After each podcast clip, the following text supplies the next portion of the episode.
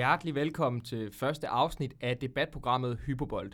Et nuanceret og forhåbentlig sjovt debatprogram om fodbold med et udgangspunkt i udvalgte emner og dertil hørende hypoteser. Mit navn det er Oliver Orup Christensen, og jeg skal sammen med de to yderst kompetente fodboldnørder foran mig guide jer igennem cirka den næste times tid. Dagens panel det består af Mark Tolstrup Christensen, der får et fast sæde, og så dagens gæst Søren Kirkegaard Åby. Velkommen til, dreng. Mange tak. Tusind tak. Dagens program består af fire emner. Chelsea, verdens bedste træner, Niklas Bentner og status i Real Madrid. De emner vil blive gennemgået ved hjælp af en række hypoteser, som jeg har forberedt. Indimellem dagens fire emner vil der også være en quiz, hvor Mark skal dyste mod dagens gæst, Søren. Og til slut i dag vil der være en lille bid af en større fortælling om en hemmelig professionel fodboldspiller, som vi har fået lov at fortælle om. Men mere om det, når vi når dertil.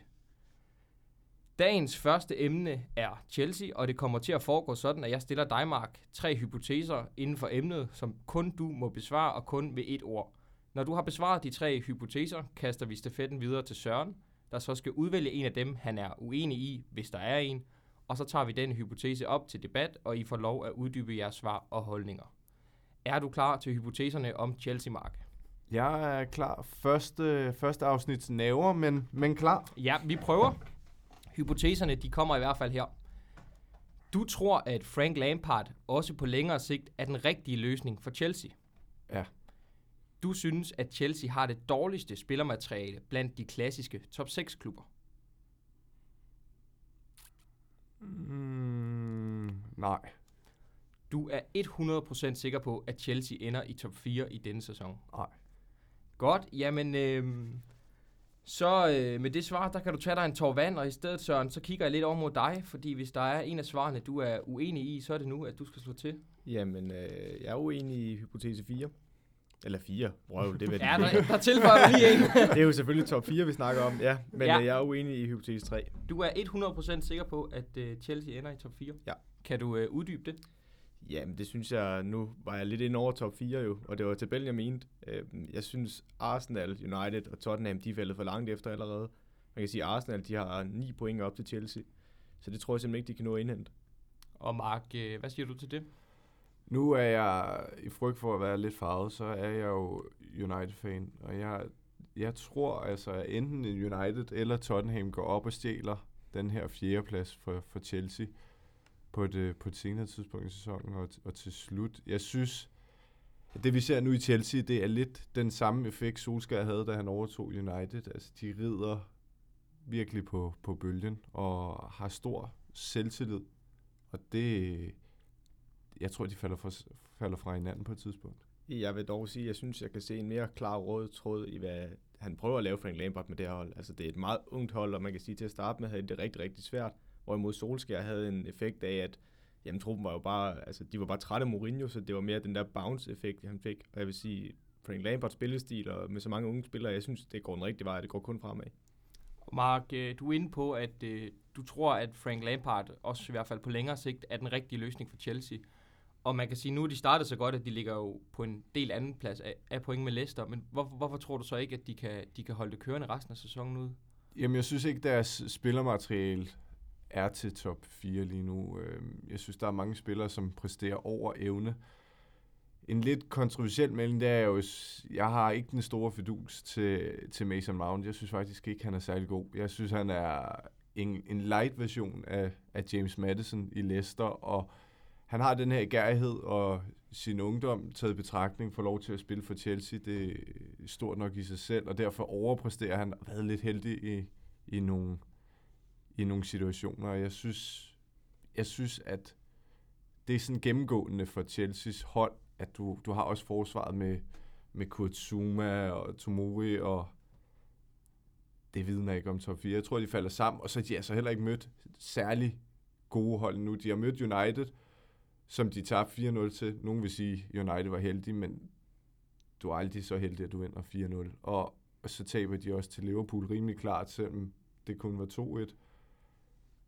Og taber faktisk til United lige kan komme igen, så jeg og spiller vist 1-1 med Leicester, men jeg mangler at se dem præstere mod top 6, og der, der tror jeg faktisk, de, de taber størstedelen af deres kamp. Altså, jeg kan godt se Marks pointe med Mason Mount, fordi han er lidt en svær spiller for til at passe ind i moderne fodbold. Det er ikke så mange spillere, man kan bruge på en 10'er-plads, fordi det er lidt en luksusplads, fordi man ligger bare i et mellemrum. Og det giver nogle begrænsninger i restforsvar, hvor de to otter så skal blive meget hjemme foran deres forsvarskæde. Jeg vil dog sige, at han er en dygtig fodboldspiller til at finde de mellemrum, og når han først bliver retvendt, så er han altså mega farlig, så jeg ser altså mere potentiale i end du lige gør. Men tror du ikke, at forsvaret, det, det kommer til at, at, at ligesom være, være altafgørende senere hen på sæsonen? Altså, du har nogle virkelig uerfarne spillere, som har meget lidt taktisk forståelse. Altså, det er lidt store drenge uden hjerne, lidt hårdt skåret op. Øh, og jeg tror, jeg tror simpelthen, at de bliver kørt, kørt over senere hen på sæsonen. Og det, det allerede nu, så... Altså, de spillede mod, var det Crystal Palace her i, i sidste øh, weekend. Den spillede de til perfektion. Men jeg tror ikke, de kan holde den samme koncentration. Jeg tror bare, at det vi har set med Chelsea, det er, at de kan blive udstillet i omstillinger kontraen. Det er ganske rigtigt. Og det er også et resultat af, at man har Mason Mount som 10'er. Men de har stadigvæk en Kanté, der kommer tilbage nu, der dækker et kæmpe område, og nok er den i hvert fald blandt de bedste 6'ere i verden. Og hvis man kigger på Chelsea's sådan expected goals, man regner ud fra, så har de reelt lukket 17 mål ind, men ifølge expected goals, så skulle de kun lukke 14,24 ind. Så det vil sige, de burde faktisk lukke færre ind om noget. Så jeg tror, det skal nok, især med to unge centerforsvar, så skal det nok blive bedre igennem sæsonen om kan til. Og øh, hvis vi lige tager, eller tager hypotese 2 lidt op, det her omkring det spillermateriale, som vi allerede, Mark, du har været lidt inde på. Søren, hvor ser du så Chelseas nuværende spillermateriale, sådan, hvis man skal rangere det i forhold, de, i forhold til de her top 6 klubber? Jamen, jeg vil sige, Tottenham har et bedre spillermateriale, Liverpool og City, det er ikke til diskussion. Jeg vil sige, Arsenal de har en meget ubalanceret trup i forhold til Chelsea. Det kan godt være, det er unge spillere for Chelsea, men mange af dem de er på vej fremad. Arsenal, så jeg kan virkelig ikke se, hvor de er på vej hen med meget af deres spillermateriale. United spillermateriale, jamen de har Marcus Rashford, de har Anthony Martial, som jeg vil sige vil kunne gå ind i Chelsea startopstilling direkte. Ellers så synes jeg, det er meget begrænset. Måske lige en David De Gea. Ellers så synes jeg, Chelsea har en bedre tro. Ej, hele, hele forsvaret for United kan gå, kan gå ind og erstatte Chelsea i, i min optik. Og altså, jeg, jeg, jeg synes kun, det er Arsenal, der, der har en, en dårligere trup end, end Chelsea på nuværende tidspunkt. Jamen, der vil jeg så jeg kan godt se, hvad du mener med forsvar, især med så ungt et forsvar med Reece James og Kurt Zuma. Øhm, men jeg vil sige, at de har nogle ting, der gør, der, ja, der supplerer Chelsea rigtig flot, i at de er så hurtige i centerforsvaren. Det vil sige, de kan spille med en høj forsvarslinje, og stadigvæk fange rigtig meget baggrund. Altså for eksempel, når Ajax de sender nogen afsted i dybden, så kan Tomoli løbe dem op. Det kan Harry Maguire ikke, og Lindeløf kan gøre det til dels, men jeg synes, det er den fart, der den redder meget for Chelsea. Kan man øh, sige, at, øh, eller nu siger Mark i hvert fald, at han tror, at Frank Lampard øh, på længere sigt også er en, en, en rigtig løsning. Er du enig i det, Søren? Ja, til dels. Altså, jeg synes, Frank Lampard i sig selv er en rigtig dygtig træner, men jeg tror også, det er meget at gøre med hans assistent, Jody Morris. Han har jo været inde i Chelsea's akademi og været ungdomstræner i rigtig mange år. Jeg mener også, at han har været omkring ledelsen i ungdomsafdelingen og han har bare rigtig godt styr på de unge spillere, og det tror jeg ikke, man skal underkende. Så i forhold til deres udvikling, og i forhold til det Chelsea er på vej hen til at blive, så synes jeg, ja, de to er den bedste duo. Tror du også, Mark, at, at Chelsea er på vej i, en, i, i den rigtige vej lige nu? Ja, det, det synes jeg. Jeg synes, at Lampard alene viser stort trænerpotentiale. Han er en likable leder, og han har den her store autoritet øh, og, st- og sit engagement, som, som driver, driver Chelsea fremad, og de unge spillere. Jeg tror, de ser rigtig meget op til ham. Og jeg tror, at, at han er den helt rigtige løsning, og jeg vil også sige, at jeg mener, at Chelsea allerede for næste sæson, hvis de kan købe spillere ind, godt kunne ligne et hold. Måske kæmpe med om, om mesterskab, for der er langt op, men, men der er de stensikre top 4. Men jeg synes bare, at de mangler de her to klassespillere, som kan gå direkte ind i startopstillingen, og så kan en Mason Mount gøre bredden større, i stedet for Mason Mount af profilen sammen med Tammy Abraham og, og Willian, Og så, så har de jo også deres to gode midtbanespillere i Kovacic og og Johinho, øh, eller hvordan man skal udtale hans navn. Men der kom jeg til at tænke på, nu kan til tilbage. Hvem, hvem tror du så skal gå, hvor skal Kanté ligge? Hvem, hvem skal ryge ud på, på bænken? Jeg vil sige Kovacic. Altså, jeg synes, Kovacic har gjort det rigtig godt i år. Han er ikke kun en boldflytter, som han var sidste år jeg synes bare, at Eugenio han åbner spillet meget mere op med fremadrettede afleveringer, hvor man så kan sige, at Kanté kan være ham, der bringer bolden fremad rent fysiske løber med den, også kan være ham, der dækker de store arealer. Der synes jeg, at de supplerer hinanden rigtig godt. Men tror du ikke, at, at Chelsea så vil mangle de her afleveringer, som Kovacic laver, dem, der, der, han laver dem ned i, i de her dybderum. Altså Kanté er en, en dygtig fodboldspiller, men jeg føler ikke, at han på samme måde kan, kan flytte spillet på, på niveau med, med Kovacic. Han vil, han, han vil bidrage bedre til deres defensive aspekter, men, men jeg tror ikke, at han, han vil kunne hjælpe deres offensiv, som meget afhænger af at, at spille den op til, til, til, til Mason Mount og, og Tammy Abraham, især Tammy Abraham, som har bumpet i den her sæson. Og øh, med den kommentar om Tammy Abraham, der går vi videre til dagens andet emne, der er verdens bedste træner. Og rollerne, de er nu byttet om, og det er derfor dig, Søren, der skal i ilden. Er du klar til det? Det er jeg i hvert fald. Yep, jamen så kommer hypoteserne her. Du synes, at Pep Guardiola er verdens bedste ikke-pensionerede fodboldtræner? Nej. Du tror, at Jose Mourinhos tid som succesfuld verdensklassetræner er forbi? Ja. Du tror, at tiden, hvor trænerne sidder i mere end 10 år i den samme klub, er forbi? I hvert fald, hvis man tænker på de europæiske topklubber? Ja. Godt. Jamen, øh, så kigger jeg over på dig, Mark. Ja, jeg skal lige den første sag. Du sagde, at Guardiola ikke er den bedste træner. Ja. Så er jeg faktisk uenig i to. Øh, jeg synes både, at Guardiola er den bedste træner, men jeg mener heller ikke, at Mourinhos tid som verdensklasse træner er over. Så lad os endnu. øh, starte med det. Hvad for en?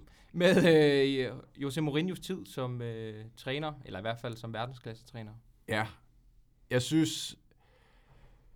Jeg, jeg havde det meget svært, da Mourinho han sad i United til sidst. Jeg synes, jeg synes ikke, han var den, den rigtige mand øh, til lige netop det sæde. Men ja, det er også i United forventer man, at man kan vinde alt, og man næsten skal vinde alt. Øh, og det kunne Mourinho ikke med det hold, han havde. Så set i bagspejlet, også her efter Solskjaer taget over, så synes jeg, at Mourinhos arbejde i United var fremragende på baggrund af den spillertrup, han havde at arbejde med. Så kan man tale om mandskabspleje. Er Mourinho så manden for alle? Det tror jeg ikke, han er. Han skal have 100% støtte fra ledelsen, og han skal også have 100% støtte i den måde, han behandler spillerne på. Det er hans måde at behandle dem på. Og så skal han ikke have 100% mediedækning, som man får i United. Øh, men eksempelvis en klub som Tottenham, der får du langt mindre mediedækning. Øh, den er stadig stor.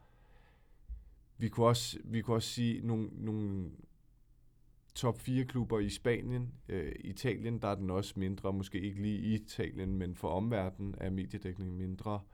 Når han kommer for meget i fokus og bliver presset for meget af journalisterne, så er hans ageren meget kontroversiel. Så du tror ikke nødvendigvis, at han kan lande et topjob, øh, eller det vil være godt for ham at lande et topjob i samme klasse som Madrid eller som United? Måske Madrid lige undtagelsen, der bekræfter reglen, fordi han har været der før, han har en historik, øh, og han er bare speciel for, for, for den klub. Men jeg tror, at han lige skal tage den en, et rang ned af stigen, og så skal han lave noget af det, han kunne engang med, med Porto og Inter, og, og ligesom bygge, bygge klubben op i løbet af nogle år, og så lave det umuligt. Det, det tror jeg sagtens, han kan. Er det ikke øh, meget øh, fornuftige ord for Mark Søren? Altså, der er ingen tvivl om, Mourinho er en dygtig træner på nogle områder. Han er taktisk god til at begrænse modstanderen, og det er der helt klart nogle kvaliteter i. Jeg tror bare, jeg ser ham lidt som en dinosaur i managerverdenen. Altså, der er så mange ting, der går imod ham. Altså, for det første, så kan han ikke finde ud af at arbejde sammen med en ejer, der ikke giver ham lige præcis det transferbeløb, han vil have. Det er ikke særlig populært hos en ejer, så der skal man have meget, der opvejer det. Og det skal så være trofæer. Og der tror jeg bare, at mange topklubber de leder efter en træner, der spiller mere ekspansiv fodbold, altså hvor vi er i possession, vi vil dominere kampene. Det er ikke det, Mourinho han giver dig. Mourinho giver dig, hvor han begrænser modstanderne, og så lever på de andres fejl. Og det var også det, han gjorde i United, og det synes jeg egentlig, han var god til. Altså man kan bare se kampene mod Liverpool, hvor store problemer de havde mod United den periode. Det var ikke tit, de vandt. Men det tror jeg bare ikke, at det fans vil have, og det er ikke det, klubben vil have. Og så tror jeg også bare, at mandskabsplejen, som Mark var inde på, det er så meget med moderne fodboldspillere, hvor de lever i en helt anden tid, end det Mourinho var vant til at træne. Og de vil have meget mere medbestemmelse, og de vil have lov til at være mere mennesker end bare fodboldspillere, og det synes jeg, Mourinho har ekstremt svært ved at relatere til. Kan man ikke, Mark, sige, at sådan lidt sort på hvidt, men at tiden er løbet fra Mourinho, både i forhold til mandskabspleje, som vi har været inde på, men også i forhold til den måde, fodbolden udvikler sig på lige nu? Jo, det, det er den generelle holdning om Mourinho, at han, han er lidt en, en dinosaur, som Søren siger. Jeg, jeg synes, det er lidt naivt at tro, at fodbolden udvikler sig i sådan et tempo, at det, der kunne være fantastisk førhen, det overhovedet ikke fungerer nu. Jeg synes, at man kan se en, en Antonio Conte i, i Inter praktisere noget af den samme slags fodbold, øhm, og gøre det med stor succes lige pt. Og jeg tror, at det er sådan et job, han, han skal lande. Nu, nu lander han ikke Inter, men det havde været perfekt til, til Mourinho. Så kunne der være Milan, men der er simpelthen for store økonomiske øh, komplikationer i den klub til, at det, det bliver rigtig godt, også med de penge, han vil have til rådighed. Men det er, det er noget der, det, der skal, der skal rammes, og italiensk fodbold vil passe godt, fordi de ikke er så forhippet med, at det skal være øh, altså det skal være flot fodbold hele tiden. Jamen der vil jeg bare sige, altså jeg tror heller ikke Mourinho, han er, han er jo ikke et fodbolddum, han er jo ikke blevet øh, taktisk uintelligent på kort tid. Men den måde, han spiller fodbold på, er meget, at vi dækker ordentligt op, og så må nogle enkelte profiler lave det offensivt for os. Og det fungerer bare ikke i moderne fodbold mere. Altså træner som Klopp, Guardiola, det er endnu løbemønster, de laver. Det er altså ikke tilfældigt, det de render og laver op på den sidste tredjedel. Og det tror jeg bare, at der er blevet rigtig mange hold, for eksempel som du ser Sheffield nu i Premier League, der er blevet rigtig gode til at grave sig ned. Og der skal man have nogle offensive løsninger, der er indøvet på forhånd. Og det synes jeg ikke, Mourinho han har vist, at han er i stand til indtil videre. Hvis øh, vi kigger lidt på en anden træner, som vi også har med i hypotesen, Pep Guardiola, så Mark mener Søren ikke, at han er verdens bedste aktive fodboldtræner. Er du øh, enig eller uenig i det? Jamen, det fik jeg, det fik jeg nævnt tidligere. Det er jeg, det er jeg uenig i. Og jeg, jeg, kan, jeg kan næsten gætte mig til, at Søren nok vil sige, Klopp øh, var den bedste træner. Og det er, det er der, jeg vægter mellem os. Jeg synes, de er fantastiske begge to. Det, der taler for Guardiola, det er, at han har vundet 27 trofæer i, i hans karriere. Øhm, all in all, mener jeg. Og, og det er ikke i nærheden af, hvad, hvad, hvad Klopp har vundet. Han er langt længere fremme. Han er allerede på top 4 over trænere, der har vundet allermest i hele, øh, måske ikke i hele historien, men, men i hvert fald den statistik, jeg har. Og der, hvor det kan tilføjes, at Alex Ferguson har 48, så, og han er jo en, en ung herre Guardiola, så han har tiden foran sig. Jeg synes, han har stor taktisk forståelse. Han har en enorm autoritet. Han er perfektionistisk i det, han gør. Han tør gå ind og skippe store profiler og slipper godt afsted med det. Øhm, man kan sige, at han er altid gode spillere til rådighed, lige meget hvor han er. Øhm, så han har ikke stået over for en reel genopbygningsproblematik, øh, som Klopp har i, i, i både Dortmund og i, i, i Liverpool. Men det er altid den evige undskyldning for, at Klopp ikke er den bedste. Det er, at han ikke har prøvet at, at blive udfordret på det der spilmateriale. Og det, jeg synes bare, at der er mange klubber, som har det samme spilmateriale. I, måske, lad os tage et eksempel som PSG, men de opnår jo ikke tilnærmelsesvis de samme resultater, den samme form for fodbold. Så jeg synes, han er, han er foran. Han er ikke langt foran Klopp, men han er verdens bedste træner nu og nok lang tid ude i fremtiden. Ja, jeg tror egentlig, Mark og jeg ikke er langt fra hinanden. Altså, jeg synes også, at jeg har bare omvendt foretegn. Jeg synes, Guardiola er en meget tæt to til Klopp. Og jeg kan heller ikke sætte så meget på det, Guardiola går og laver, fordi altså, det er jo rekordbrydende meget det, han laver med pointantal og den måde, de spiller fodbold på. Altså før i tiden, der så vi jo hold, hvis de havde 60% boldbesiddelse, så var vi jo allerede holdt op, de dominerer den her kamp. Sige, er jo tættere på 70-80% i mange af deres kamp. Men jeg synes bare, at Klopp er en mere altidig træner, og igen, hvis man slår det op på trofæer, jamen, så er Guardiola også en klar etter. Men hvis du sidder og kigger på, hvad Klopp har været i stand til, de tre steder, han har været. I Mainz, der tager han et hold, der ikke burde ligge i Bundesligaen, og tager dem med op i Bundesligaen. Tager til Dortmund, en gigant, der er i ruiner, får dem til at præstere og vinde Bundesligaen to gange og får min Champions League-final. Og det samme med Liverpool, et hold, en trup, der er rædselsfuld, den her modtager jo. Altså, man kigger på de startopstillinger, der var, da han kom, var jo forfærdelige. Og jeg synes bare, det er så stor en forskel mellem, der burde ikke være så tæt mellem Liverpool og City, som der er, hvis du kigger på, hvad de har brugt af penge. Altså for eksempel, hvis du kigger på Guardiola i hans karriere, så har han brugt det, der svarer til 1300, lidt over 1300 millioner euro, altså det, der svarer til cirka 9,8 milliarder danske kroner.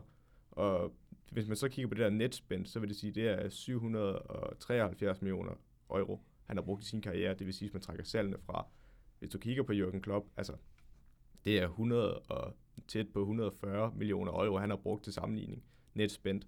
Det er jo ikke i nærheden af at ligne hinanden, så burde Klopp jo overhovedet ikke kunne konkurrere med Guardiola. Og det er egentlig ham, der har overhånden i de indbyrdes opgør. Så derfor argumenterer jeg for, at Klopp er lidt bedre end Guardiola. Og hvis man ligesom forsøger måske at se bort fra, eller i hvert fald ud over de to trænere her, er der så en, øh, en måske yngre eller en anden træner, som I vil kunne se, om ikke andet i fremtiden, vil kunne konkurrere øh, om at være verdens bedste træner? Måske sammen med, med de to, I har snakket om. Jeg ved ikke, om jeg har en, en, en yngre. Øhm, jeg har nogle... Altså, jeg synes, de, de er i en liga for sig, de to trænere. Jeg, jeg kunne... Altså, den Frank, Frankrigs landstræner, øh, Deschamps, øh, tror jeg, han, han udtales. Ja. Øhm, han har lavet noget fantastisk med Frankrigs landshold. Han har gået ind og, og fået de her egocentrerede spillere til at spille sammen, og nogle har han så skibet. Øh, Benzema er, er røget ud i kulden, ikke? så spiller han med sådan nogle lojale typer som, som Giroud, som ikke engang spiller på klubplan. Men fordi at Giroud er lojal og går ind og, og, og, og hvad, skaber det her fællesskab og øh, sammentømret trup, der spiller sammen, øh, så får han lov til at spille. Det synes jeg er, er fantastisk. Han er landstræner, så det er lidt svært at, at sammenligne med, med de to herrer. Så kunne man tage Simone for, for Atletico, laver også noget helt specielt i den klub, men det er jo på det er jo en anden fodbold, og det er også med nogle andre midler igen. Så er der Southgate som engelsk landstræner, der er Pochettino i Tottenham, øh, Tuchel i PSG. Der er, der er mange gode trænere lige pt, men jeg synes, at de to er en liga for sig. Ja, jeg synes også, de to er en liga for sig. Øh, jeg vil sige, at Allegri er sådan en, der kommer efter. Har gjort det fantastisk i Italien, og igen, der kan man sige, hvad modstander har han mødt, men man kan kun vurdere ham på, at han har vundet. Han kan jo ikke gøre mere end det. Nej. Øh, det Champs er jeg ikke særlig stor fan af. Jeg synes, det han har leveret på landsholdet i VM, det kan man jo ikke bestride men han gør det på en ekstrem primitiv måde. De dækker op, og så kører de kontra, og med det spillermateriale, de har i Frankrig, så kunne man godt ønske sig lidt mere. Nu er det også landsholdsfodbold. Hvis jeg skulle kigge på nogen, sådan, der er spændende i hvert fald fremadrettet, så er en som Peter Boss i Ajax, der gør det fantastisk. Altså, de har intet at lave i den Champions League semifinal sidste år, hvor lige ved at komme i en finale. Øh, ellers en Julian Nagelsmann igen i Leipzig. Altså, det han lavede i Hoffenheim i så ung en alder, og på vej til at gøre i Leipzig også, måske endda øh, kan vinde en Bundesliga i år han er spændende i fremtiden. Ja, ham har jeg også, ham har jeg også noteret ned. Øhm, jeg har faktisk også Luis, Luis Enrique, hvis han vender tilbage. Jeg synes også, det han lavede i, i Barcelona var, var fantastisk. Og lidt den her Guardiola-type. Øhm, så hvis han kommer tilbage, lige nu står han vist uden job, så vidt jeg ved, efter hans datter stod. Øhm, hvis han kommer tilbage og måske ikke tager landstrænerjobbet for Spanien igen, så, kunne han også være spændende, men det kræver jo så, at han ender på et hold, der er villig til at spille den slags fodbold. Det er jo heller ikke alle. Og øh, selvom jeg sidder med en fornemmelse af lige nu, at vi kunne snakke rigtig, rigtig lang tid om det emne her, så øh, for at tiden ikke løber helt fra os, så skal vi videre. Og øh, vi lukker ned for første halvdel af debatten, og i stedet så tager vi fat på dagens quiz. Quizzen den kommer til at foregå sådan, at jeg har forberedt fire spørgsmål, et til hver af dagens emner. I dyster mod hinanden i det, der hedder ABBA-modellen, og hvis det står lige efter de fire spørgsmål, så har jeg forberedt et fælles bonusspørgsmål. Søren, som øh, dagens gæst, så må du selvfølgelig vælge, øh, om du vil have første og sidste spørgsmål, eller de to i midten. Ja, min tese plejer jo at være, at man skal sparke først i en straffespark-konkurrence. Men der er simpelthen et emne, jeg simpelthen ikke tror, jeg ved særlig meget om. Så jeg, jeg går mod strømmen og siger, Mark, du får lov til at åbne ballet. Nå, jamen okay. Så vælger jeg først. Så vælger jeg Chelsea. Du vil gerne starte med Chelsea? Ja. Godt. Jamen, så, øh, så skal du spidse ører nu. Ja. Måske klubben netop i denne sæson har fundet den rette, men ellers er Chelsea over de sen ellers har Chelsea over de senere år haft svært ved at finde den helt rigtige målscorer for klubben. Det, Mark, det du skal, det er, at du skal nævne de seneste fem Premier League topscorer for Chelsea. Mm. Du har seks bud til at finde de fem. Vi arbejder i en periode fra sæsonen 12-13 og frem til 1920-sæsonen. Det vil sige, at sæsonen her, sæsonens topscorer her tæller med, og så skal du finde de fire andre, der har været topscorer for klubben i den periode. Hold op. Okay, Tammy Abraham, han er topscorer i den her sæson med Ja, der får du et vetegn. 11 mål i Premier League. Det, han har lavet 10, men... Øh, har han lavet 10? Han har lavet 10, men du skal egentlig også bare give mig navnene til at starte med. Har, har Wardy lavet 11 så? Pas. Jeg, jeg har bare noteret mig ned, at uh, Tammy han har fået lavet 10 Jeg æsker. tror altså, han lavede 11. Nå. Ja. Det er Det også ud af det, det, det er underordnet. Øhm, sidste sæson, der var det jo med Giroud og Morata på toppen. Så, For ikke lige at få dig ud på et sidespor, Mark, så Ja. du skal tænke på, at det er bare klubbens topscorer. Det er ikke nieren. Nej, nej, det, ja, ja, det er på. Godt nok, det plejer at være nierne. Ja, ja, det gør det. Okay. Men øh, må ikke Hazard, han var topscorer alligevel, så.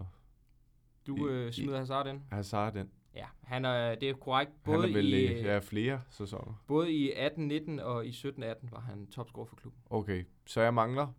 Mangler tre navne, og du mangler fra 12-13 sæsonen frem til og med 16-17 sæsonen. Okay, der er også en koster på et tidspunkt. Ja, og han er faktisk både i 14-15, 15-16 og 16-17. Så jeg har dem alle sammen. Nej, Åh, oh, okay. det er fem, de fem navne, ikke de fem sæsoner, du skal fange, Mark. Så du skal finde Ja. de to. Ja, det er... så hvilken sæson mangler jeg? Du mangler sæsonen, der hedder 12-13. 12-13. Og der er nemlig to spillere fra klubben, der dengang blev delt topscorer i Premier League. Og du har tre bud.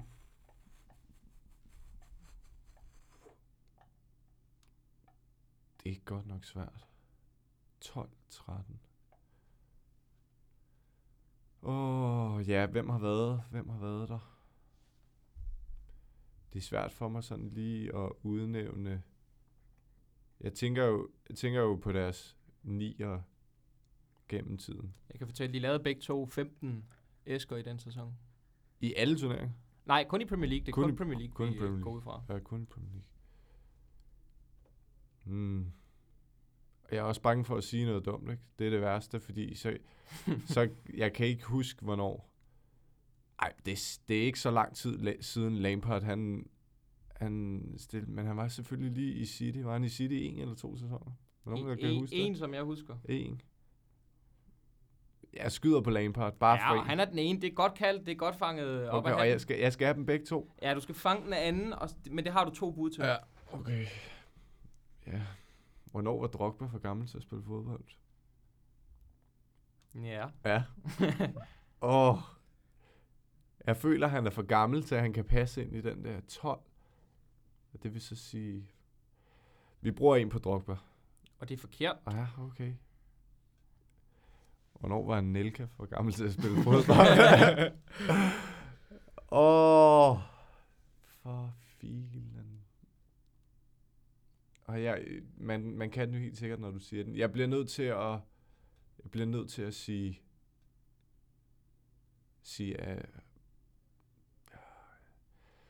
Det er jo også utopisk at tro på sådan en som Messien. Han har været op og, og lave, lave 15 dåse. Det, det er som om, jeg er lidt... Jeg, jeg siger... Jeg siger Nelka, men jeg tror, det er forkert. Det er også forkert. Det er dem baba. Dem baba. Ja, den var du ikke tæt på at hive op af hatten, var du det? Nej, det var jeg ikke. Nej. Men Ja, men, Men- det efterlader dig med 0 point Ja. øh, for første spørgsmål, Mark. jeg husker et af hans mål. Det gør Søren Ja, også. det gør Søren helt sikkert også. Desværre. men det er nu din tur, Søren. Ja, men øh, jeg tager øh, status i Real Madrid. Du tager status i Real Madrid, og jeg ruller lige ned her. Ja, er du klar? Det er jeg. For rigtig mange spillere er det ultimative at få lov til at spille for kongeklubben Real Madrid, men mange, der får chancen, slår aldrig til og bliver hurtigt skibet afsted igen. Du skal, Søren, give mig navnet eller navnene på de fem nuværende Real Madrid-spillere, der har spillet flest kampe for klubben, og du har seks bud. Ja.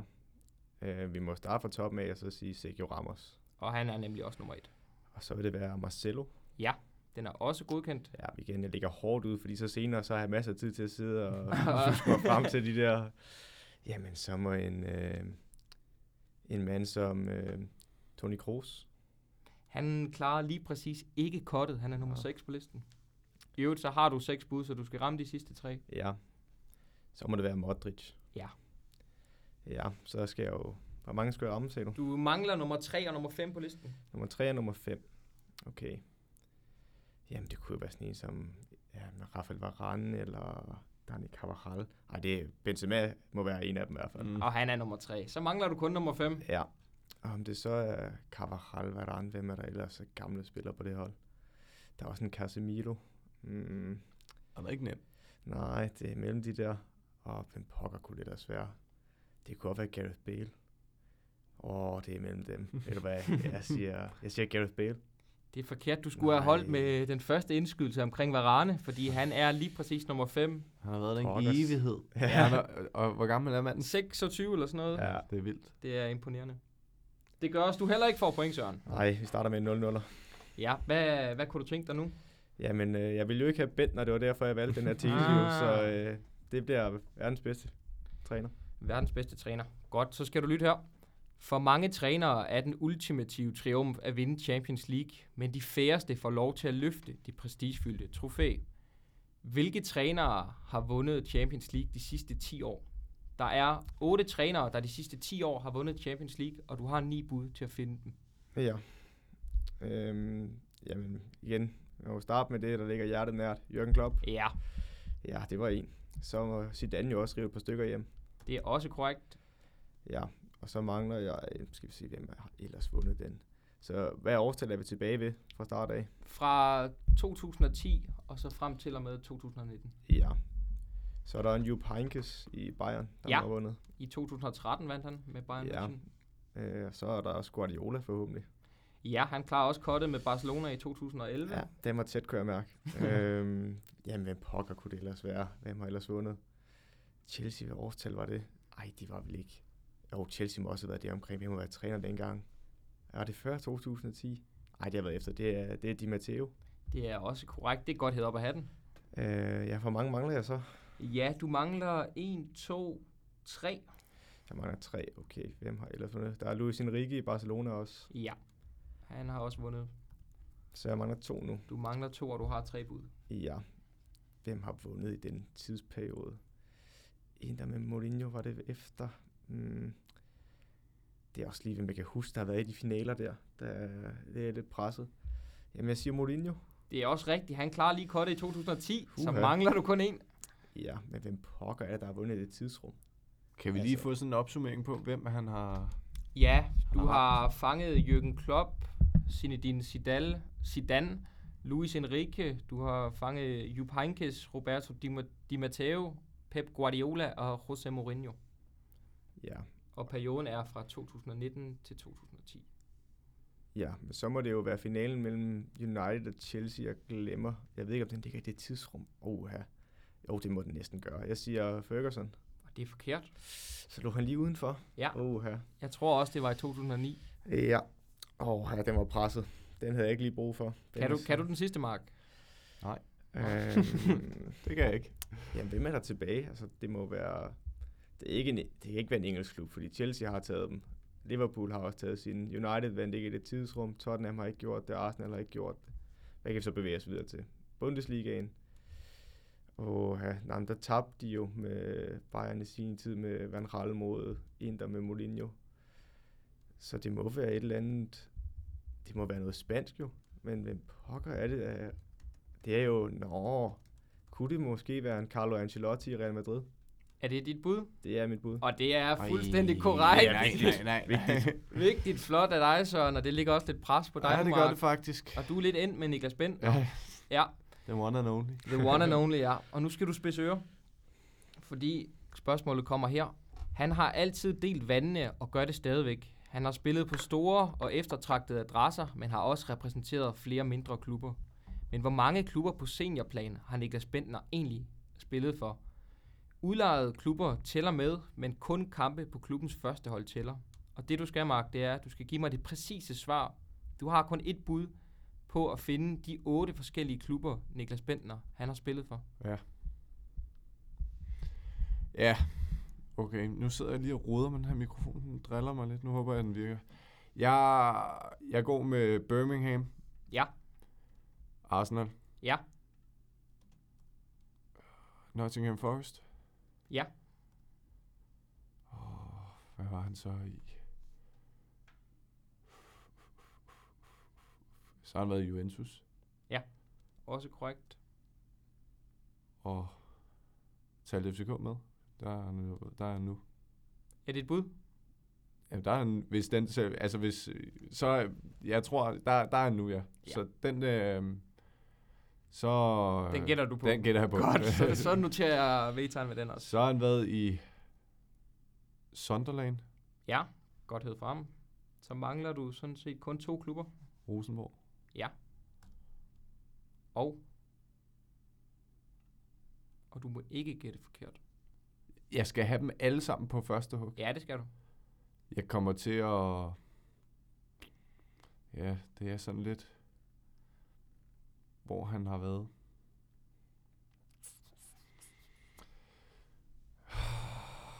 På seniorplan. Mm. Det er også fordi, man ikke...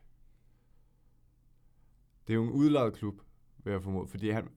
Det er ikke en udlejet klub. Nej, det er det ikke. Og nu kommer jeg måske til at hjælpe dig lidt for meget. Åh, oh, okay. Okay. Hvem kan har, jeg nævnt? Hvem har jeg nævnt? Du må ikke sige det, Søren, fordi jeg prøver at... Ja, men kan du den, Søren? Overhovedet ikke. Nå. Ikke Overhovedet på ikke. stående fod. Nej, Okay, okay. kan du lige uh, ramme dem op? Ja. Du har nævnt Arsenal, Birmingham, Sunderland, Juventus, Nottingham Forest, Rosenborg og FCK. Okay. Så det, det ligger efter Arsenal-perioden. Fordi den hedder... Han startede vel i Birmingham. Og eller måske startede han i Sunderland. Mm. Så tog han videre, og han har været i italiensk fodbold, han har været i engelsk fodbold, og han har været så s- tysk fodbold. Så er det spørgsmålet, om det var det var noget med grønt. Så er det enten Werder Bremen eller Wolfsburg.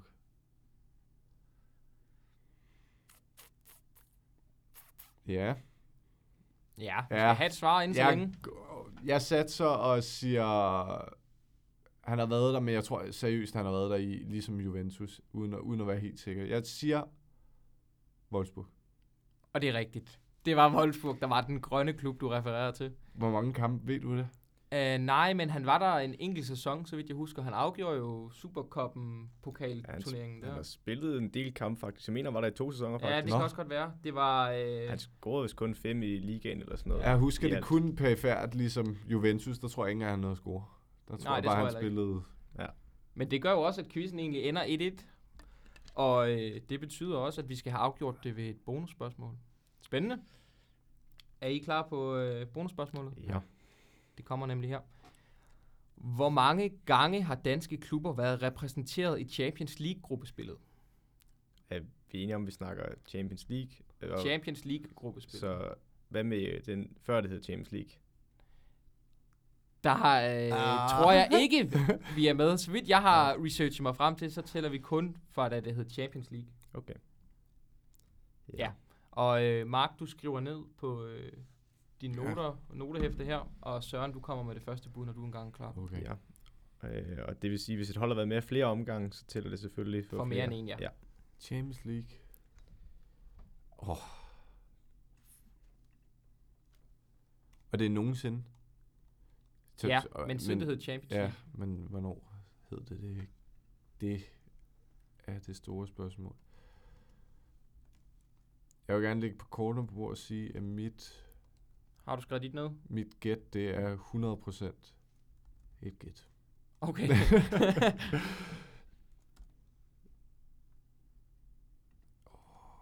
Der sætter du os også på prøve her. ja, jeg tester lige lidt. Det normale valg vil jo også være at, at ligesom sige dem, man kan huske. Men igen, som du siger, hvornår er det Champions League starter? Det er Ja. en kattepine uden lige. Og hvor mange af dem kan man egentlig huske? Det er også der, jeg står. Jeg siger... Uf, jeg har smidt min her. Ja. Vil du se den, Oliver? Så du lige kan... Øh, Ja, du må godt dreje øh, Ja. en gang. Der er noteret et tal. Ja, du har skrevet et tal. Ja. Ja. Kom med det, Søren. Øhm, ja. Jamen, jeg skal jo komme med et bud, og øh, mit bedste bud, det bliver, det bliver 9. Og Mark, hvad, hvad var det, du svarede? Jeg svarede fem.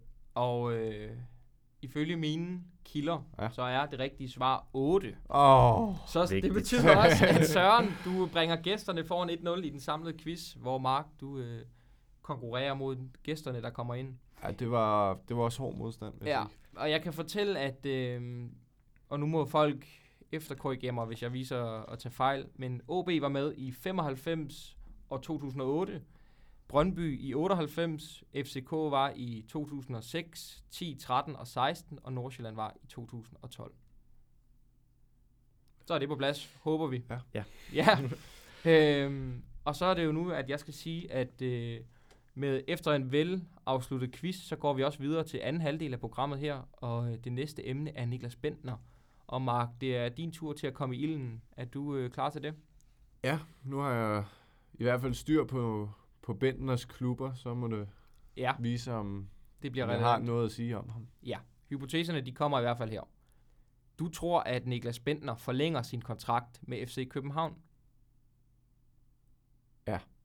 Hvis man kun kigger på hans spiller-CV og præstationer, så mener du, at maks tre aktive danske fodboldspillere har et flottere spiller-CV, end han har? Den, den er svær. Jeg det... Nej. Du tror, at Niklas Bentner har spillet sin sidste landskamp? Ja. Ja. Og Søren? Må jeg lige høre hypotese 2? Hvad sagde du der, Mark? Ja, øh, du svarede, Mark. Jeg svarede, at der er flere end tre danske fodboldspillere gennem tiden, der har et, et, et federe... Aktiv fodboldspiller. Nå, var det aktiv? Det var fodbold? aktiv. Ja. Nå, okay, så, så, så vil jeg faktisk sige, sige at der, der er maks kun tre, der har et... Der er ikke mere Ja. end tre. Ja. Den glipper jeg. Ja, Det er on. Ja. jeg vil jo sige, at der er flere, så dem vil jeg gerne diskutere. Okay. Ja, men så... Øh, Øh, jeg vil jo sige i hvert fald en Christian Eriksen, det er ubestridt. Han har et bedre CV end Bentner, fordi han har spillet over en længere periode og været en dygtigere spiller. Så kan man tage en Kasper Schmeichel. Schmeichel har også spillet på et højt nu- niveau, vundet Premier League. Det har Bentner heller ikke. Og igen, han er nok blandt de bedste målmænd i verden, i hvert fald i en top 10 som minimum. Og Bentner var nok ikke top 10 angriber i verden. Så vil jeg også sige videre Simon Kjær. Altså har spillet i mange store klubber. Spillet i Sevilla, øh, været en bærende kraft der, spillet mange år i Serie A igen, også en spiller, altså, som man ikke, kan, man ikke rigtig kan komme udenom. Og så igen, altså, igen, det er per definition efter det, fordi de tre der tror jeg, vi alle sammen var enige om. Jeg tror også, det er derfor, du tøvede lidt, Mark, måske med de der. Øhm, hvad med en Thomas Delaney? Jamen, han, han var også oppe at vende op i mit hoved, altså med Dortmund. Øh, han gør det rigtig godt dernede. Så igen, jeg vil faktisk også mene, ja, han et flottere CV? Det er jo svært at sige, hvad man mener med det også. Altså, fordi Bender i den korte periode, han var i Arsenal, gjorde han det jo fremragende. Øh, i perioder, men det var igen i perioder, altså det skal man huske. Og igen, da han kom til Juve, der vinder han prisen for den gyldne skraldespand, den dårligste transfer derovre i Serie A. Så igen, hvor flot var Benders karriere egentlig, ud over de perioder, han havde i Arsenal? Det kan man også stille spørgsmålstegn ved. Så, så unikt synes jeg ikke, det er, at der ikke er nogen, der kan konkurrere. Jeg vil sige, det er et, et fint bud. Jeg synes måske, at der er forskel på Dortmunds kvaliteter nu, og Arsenals kvaliteter dengang, fordi det er jo ikke et Arsenal-hold, som vi ser den dag i dag. Og hvis du spiller over 100 kamp for Arsenal, og scorer i en fjerdedel af dem sådan rundt regnet, så og, altså i en position, hvor der er langt mere rift om den, end en, en, en skraldmand, øh, eller sådan en, en, i hvert fald en defensiv midtbane for Dortmund, og så spiller Delaney jo heller ikke hver gang. Det er jo ikke fordi, at han er det første, den første mand på holdkortet. Simon Kjær igen, det, det er jo flotte klubber, han har været i, men, men om, om, om jeg synes, det er et flottere fodbold-CV. Jeg synes ikke, at Wolfsburg, nu kunne jeg knap nok huske, at han har været der, og jeg synes heller ikke, at Juventus, øh, eller Rosenborg, eller FCK, Eller Han- de små engelske Ja, klubber, men, vel? ja, men det, det tror jeg har været med til at, ligesom at, at bygge ham op som fodboldspiller, så den, det, det, synes jeg er ok, men jeg synes ikke, at hans efterfølgende klubber er, er værd at nævne.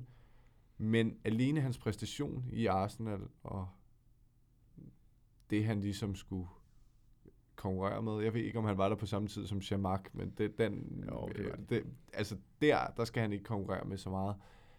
Men han har også været der, mens de var, mens de var gode. Og det synes jeg alene berettiger ham til en plads blandt de, de tre med det flotteste fodbold-CV.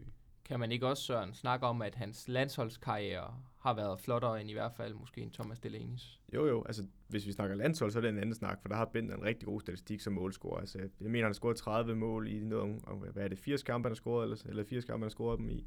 Så det er flot. Så hvis man regner det med ind i den samlede pakke på et spiller-CV, Ja, men jeg vil stadigvæk sige, det er rigtig flot, men jeg vil bare sige, at hans klubkarriere, så flot er den ikke, som hans CV egentlig viser. Altså som Mark også nævner, jamen, hvad lavede han i Juve? Hvad lavede han i Wolfsburg? Altså, det er jo egentlig kun i Arsenal, hvor man kan sige, og så i Rosenborg i den norske liga. Og så synes jeg ikke, CV'et er så flot. Der synes jeg godt, man kan snakke om en Lasse Sjøne for eksempel i Ajax, der har spillet der en mennesketid, øh, har været anført, og jeg ved ikke, hvor mange år. De har lavet en speciel pris for den, jeg tror, den bedste udlænding, de laver nu i Ajax hvert år, den er opkaldt efter Lasse Sjøne. Det synes jeg er stort. Så kan man også snakke om en Pierre Emil Højbjerg. Spillede i Bayern, kommer op under Guardiola som ret ung, og spiller med i en øh, pokalfinal, hvor han starter inden, øh, og spiller nu i Southampton fast. Så igen, han spiller jo også fast både i Bundesliga og Premier League, så det synes jeg godt kan konkurrere med Bentner. Hvis man så går lidt øh, væk fra, hvad Bentner igennem sin karriere har præsteret, og tænker lidt mere på hans situation nu, hvad Søren, tror du så selv, at han forlænger med FCK, når den udløber her til januar? Det er et spørgsmål, hvad FCK de søger efter. Altså hvis det er bare en fjerde angriber, så tror jeg egentlig de finder en, der er meget bedre end Bentner, så i det perspektiv kan jeg godt se det. Men hvis man ser på, hvad han, altså for eksempel, hvad han har sagt om Victor Fischer og sådan noget, så vil jeg... Jeg skulle til at sige, jeg har bare ventet på at få lov at tale Ja. om den bog her, han lige har udgivet. Ja, ja. men jeg er i stik modsat grøft. Jeg kan ikke fordrage den bog. Jeg synes, det er ligesom et lille barn, der bare gerne vil have opmærksomhed nu, fordi han ikke kan få det mere på banen. Så nej, men jeg synes ikke... Jo, jeg, jeg tror faktisk, de forlænger med ham, fordi han er på en relativt billig kontrakt, formoder jeg, frem til sommer. Øhm, men jeg kan ikke se den store spillermæssige værdi i ham. Nej. Jeg, jeg, jeg, tror, jeg tror også, han forlænger. Det er en, en spiller, der... En lidt mere modne spiller nu. Du får ikke den her... Formoder jeg. Det skal jo det lige ind til skandalen rammer. Men det virker til, at han er faldet lidt mere på plads om sider. Og det virker også til, at han faktisk vil det her. Ikke på det samme niveau, han altid har ville det, men han vil gerne spille fodbold. Og han vil gerne spille top dansk fodbold stadig. Har han kvaliteterne, det synes jeg, man skal vurdere over en længere periode, end vi har set nu. Og jeg tror egentlig, at Ståle fint vil forlænge med ham. Det virker heller ikke til, at der er den her uro i omklædningsrummet. Altså, så skjuler de det meget godt. Men nu har jeg hørt forskellige FCK-spillere, de har ikke læst den, og de virker sådan jævnt ligeglade med den bog. Så jeg tror ikke, det har skabt den uro, som mange tror, det ville skabe i omklædningsrum. Og det, han siger om Fischer, det er, at han har knævret sig til, til en udtagelse til landsholdet, men jeg tror også, at Fischer han er så intelligent, at han bare let kører over hovedet. Ja, jeg vil også, altså igen, jeg tror, at FCK de har taklet det rigtig flot, og jeg tror, at de kan godt håndtere det i deres trup. Jeg tror ikke, det bliver det, der nødvendigvis bliver afgørende. Men hvis jeg var træner for en klub, og jeg havde en spiller som Niklas Bentner, der vælger at udtale sig på den måde, specielt om landsholdet og nuværende holdkammerater, så vil jeg skifte ham ud ret hurtigt, fordi jeg synes ikke, det viser et tegn på modelse overhovedet, når man udgiver sådan en bog, og man nævner personer ved navn og hænger bestemte personer ud, som for eksempel en Jon Dahl, der blev hængt meget kraftigt ud i den her bog. Det synes jeg er så meget under bæltestedet, at det hører ikke hjemme, fordi i fodbold der har man altså et omklædningsrum, hvor der sker nogle ting i, øh, som der bare burde blive der, og det synes jeg, Bender han har hængt en masse mennesker ud til tørre. Men tror du ikke, at den her situation er blevet diskuteret, da Bentner i sin tid skrev under med FCK? Det er jo ikke så forfærdeligt Om det længe har- siden. Så det er jo noget, han har været nødt til at, at bringe op i kontraktforhandlinger og sige, den her bog kommer, og den kommer til at indeholde det her. Måske en dag har de fået lov til at læse et, Det- et, et udkast, det- og, og så har de så har ikke Ståle alene, tror jeg, men så har man på sådan direktionsmæssig øh, niveau vurderet, hvorvidt man kan, man kan tillade sig til det her. Det, det skal Ben også rose for, for jeg ved, at Ståle har været ude udtalt, at de har snakket om det, inden han Ja. skrev under, at der kom en bog undervejs. Jeg tror ikke, Ståle har vidst, hvad der præcis stod i den. Nej. Øh, det er jeg ret sikker på, at han faktisk ikke har vidst. Han har måske vidst i grove træk, hvad den handlede om. Øh, så det har de helt sikkert kliret i Ja. FCK. Ja, øh, og for at øh, vi skal kunne nå det sidste emne også, så øh, går vi direkte videre til det. Det emne omhandler en status i Real Madrid. Og Søren, for sidste gang i dag, der skal du i ilden. Er du klar til det? Yep.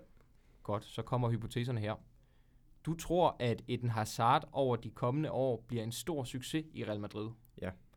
Du tror ikke, at Real Madrid vinder et eneste trofæ, før klubben får en anden træner. Jo.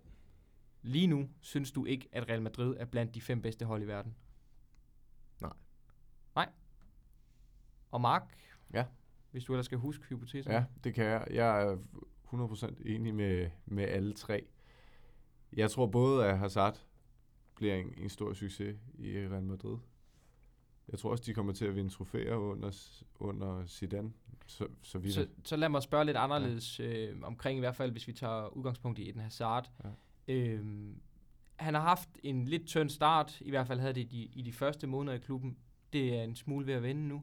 Men er det ikke nogle enormt svære sko, han skal udfylde øh, i forhold til Ronaldos arv, der ikke rigtig er blevet overtaget, og man kigger på ham som værende det her nye store øh, håb eller stjerne, der, der gerne skal kunne tage klubben et nyt sted hen. Jo, jeg tror, der har været rigtig meget pres i starten. Øh, og han kommer tilbage. Han er blevet efter sin lidt tyk også. Øhm, ja, det, det har han i hvert fald over sommeren. Det, det, det skal ikke gøre mig, gøre mig klog på, hvor, hvor meget det nu var. Men så starter sæsonen, og Real Madrid starter forfærdeligt. Øh, Hazard starter også forfærdeligt. Og presset stiger.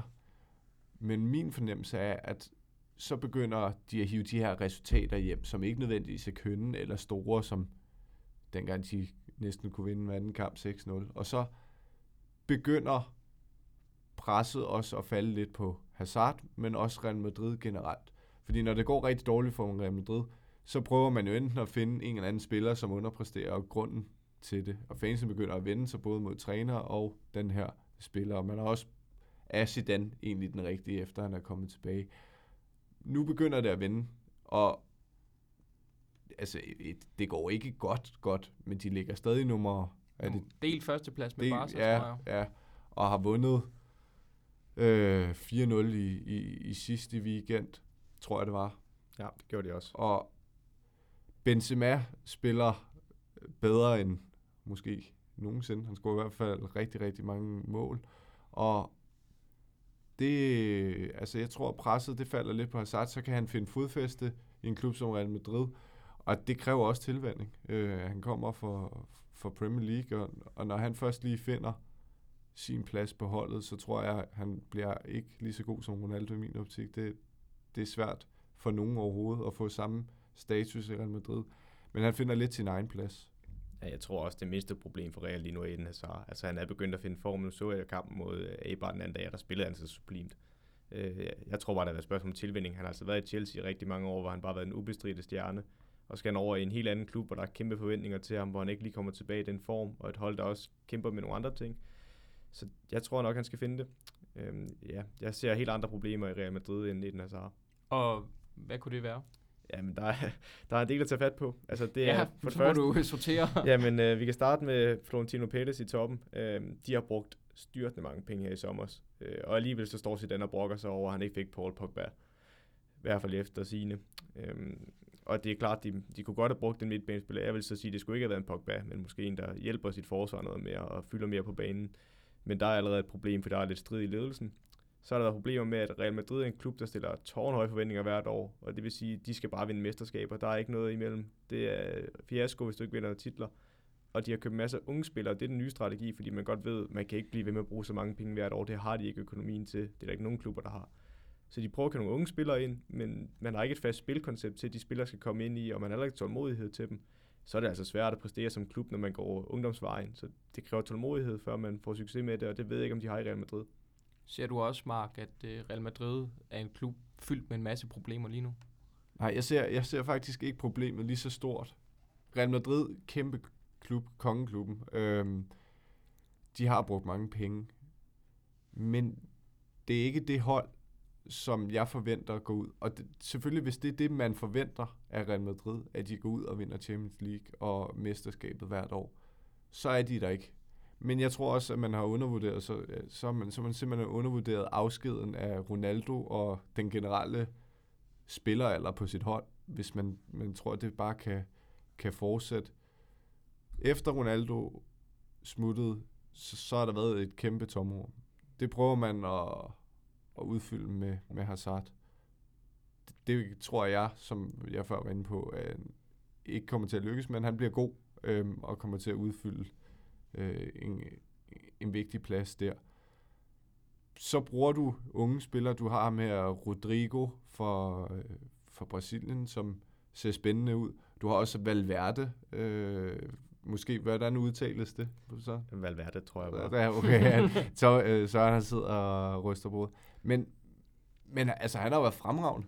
Og han, jeg, kør, jeg tror, var det, det var enten Modric eller Kroos, han der var på bænken sidst. Det var Kroos. Det var Kroos. Og hvis han allerede nu i, i så ung alder kan holde en af de to ude på bænken, så synes jeg, det ser lovende ud. Men Men det er jo også, hvad man, hvad man forventer af Real Madrid. Hvis man forventer, at de går ud og køber en kongesigning i form af Pogba, og, og det bare skal være de her kæmpe stjerner på hver deres plads, så er de der ikke nu. Altså nu vil jeg også sige, at min sample size er meget lille, for så meget har jeg ikke set Real. Men nu så jeg den her kamp mod Eibar, og jeg tror ikke, grunden til, at Kroos starter ud er på grund af, at Valverde er specielt god. I hvert fald ikke i den kamp, jeg så. Jeg synes netop, det er en mangel på den midtbanespiller, jeg talte om før. Fordi hvis man ser den kamp, jeg ved godt, at Valverde scorer, det er et fint mål, men det er mest forarbejdet, så laver han en fin afslutning på feltkanten af det flade hjørne. Det er okay. Men i første halvleg, jeg aner ikke, hvor han er henne. Jeg ser ham ikke på bolden. Jeg ser ham heller ikke beskytte sit forsvar specielt meget. Og igen, så bruger de Casemiro som sekser. Det kan han også sagtens. Han kan sagtens beskytte sit forsvar. Men i Real Madrid skal der være lidt større forventninger til en sekser, og nogle gange der går han ned og bærer bolden op, og det skal han holde sig langt væk fra, for det er ikke det, han styrker er. Så de mangler stadig ind i det rum, og jeg tror Valverde er valgt på grund af mangler for Toni Kroos, og fordi der ikke er nogen andre, der kan give det, han kommer med. Og øh, en, til sidst så har I en kort kommentar omkring Zidane, og om hvorvidt han er den fremtidige løsning øh, som træner i klubben. Altså, jeg vil sige, Zidane har jo om nogen DNA'et i Real Madrid, fuldstændig. Jeg er stadigvæk lidt skeptisk omkring, om han kan formå at sætte et spillekoncept op, der er klart og tydeligt, for det synes jeg stadig mangler i mange kampe. Men han kan finde ud af at arbejde med unge spillere, så ja, igen, hvis man kigger på landskabet af Liga lige nu, så er det mere mangel på bedre, så i forhold til det tror jeg godt, at han kan konkurrere med et mesterskab i år. Ja, jeg synes også, han, han har sit navn, og han har sin historik som fodboldspiller. Derfor er han, han er perfekt i Real Madrid, om han er der taktisk på niveau med nogle af de træner, vi nævnte tidligere. Det tror jeg ikke nødvendigvis, men det kræver virkelig også sin mand at være træner i Real Madrid, og det er altså ikke alle, der bare kan gå ind og udfylde den. Så du skal have noget autoritet, og du skal også have noget, noget opbakning fra dine fans, før at, at du, kan, du kan sætte dig i det sæde. Og øh, med de kommentarer, jamen, så runder vi dagens fire emner af, og nu er vi nået til det punkt, hvor vi skal have introduceret den hemmelige fodboldspiller. Et koncept, hvor vi hver gang de næste 10 afsnit fortæller en lille historie eller en ledetråd om en dansk professionel fodboldspiller. Så er ideen, at I derude med tiden i hvert fald skal forsøge at gætte jer til, hvilken spiller vi løbende giver ledetråd om. Når man har et bud på, hvilken spiller der er tale om, så kan man sende os en mail på hypobold.gmail.com med sit bud, og når den sidste ledetråd er givet efter det 10. afsnit, så trækker vi en tilfældig vinder blandt dem, der i løbet af konkurrencen har gættet rigtigt. Vinderen vil modtage en signeret spillertrøje fra den hemmelige fodboldspiller. Og med det fastlagt, så lad os komme til første ledetråd, der kommer her. Hej kære lytter af Hypobolt. Mit navn er... Ah, okay, det vil nok ikke lige være det smarteste move. Jeg venter også lige lidt med at fortælle, hvilken klub jeg spiller for. Her til første afsnit, der vil jeg godt røbe, at jeg er en aktiv spiller i den danske Superliga, men at mit professionelle gennembrud kom i en nuværende første divisionsklub. Ja, og så havde jeg i øvrigt også fisk. Jeg glæder mig til at få lov til at fortælle mere om mig selv over de næste episoder. Vi høres ved næste gang. Og hvis man kan lide, hvad man har hørt og gerne... Nu angriber Siri mig lige herovre fra, fra siden af, øh, men jeg fortæller gerne videre. Hvis man kan lide, hvad man har hørt og gerne vil støtte lidt op omkring podcastens fremtid og muligheder, så kan man støtte podcasten ved at gå ind og anmelde den i iTunes og gerne med et positivt sind. Man kan også finde podcasten på Spotify og på Castbot. Castbox. Vi vil gerne være en podcast, der også inddrager vores lyttere, så hvis man har et emne, man ønsker, at vi her i podcasten gennemgår, jamen så send os en mail på hyperbold og så sørger jeg for, at minimum et af næste afsnits emner er udvalgt af en lytter. Og så er der ikke mere at sige en tak til dig, Mark. Selv tak. Og i virkeligheden en speciel tak til podcastens første gæstevært, Søren. Tusind tak, det har været en ære. Det har også været en fornøjelse for os at have dig med. Kæmpe fornøjelse. Og til jer derude, tak fordi I lyttede med. Vi høres ved til næste episode.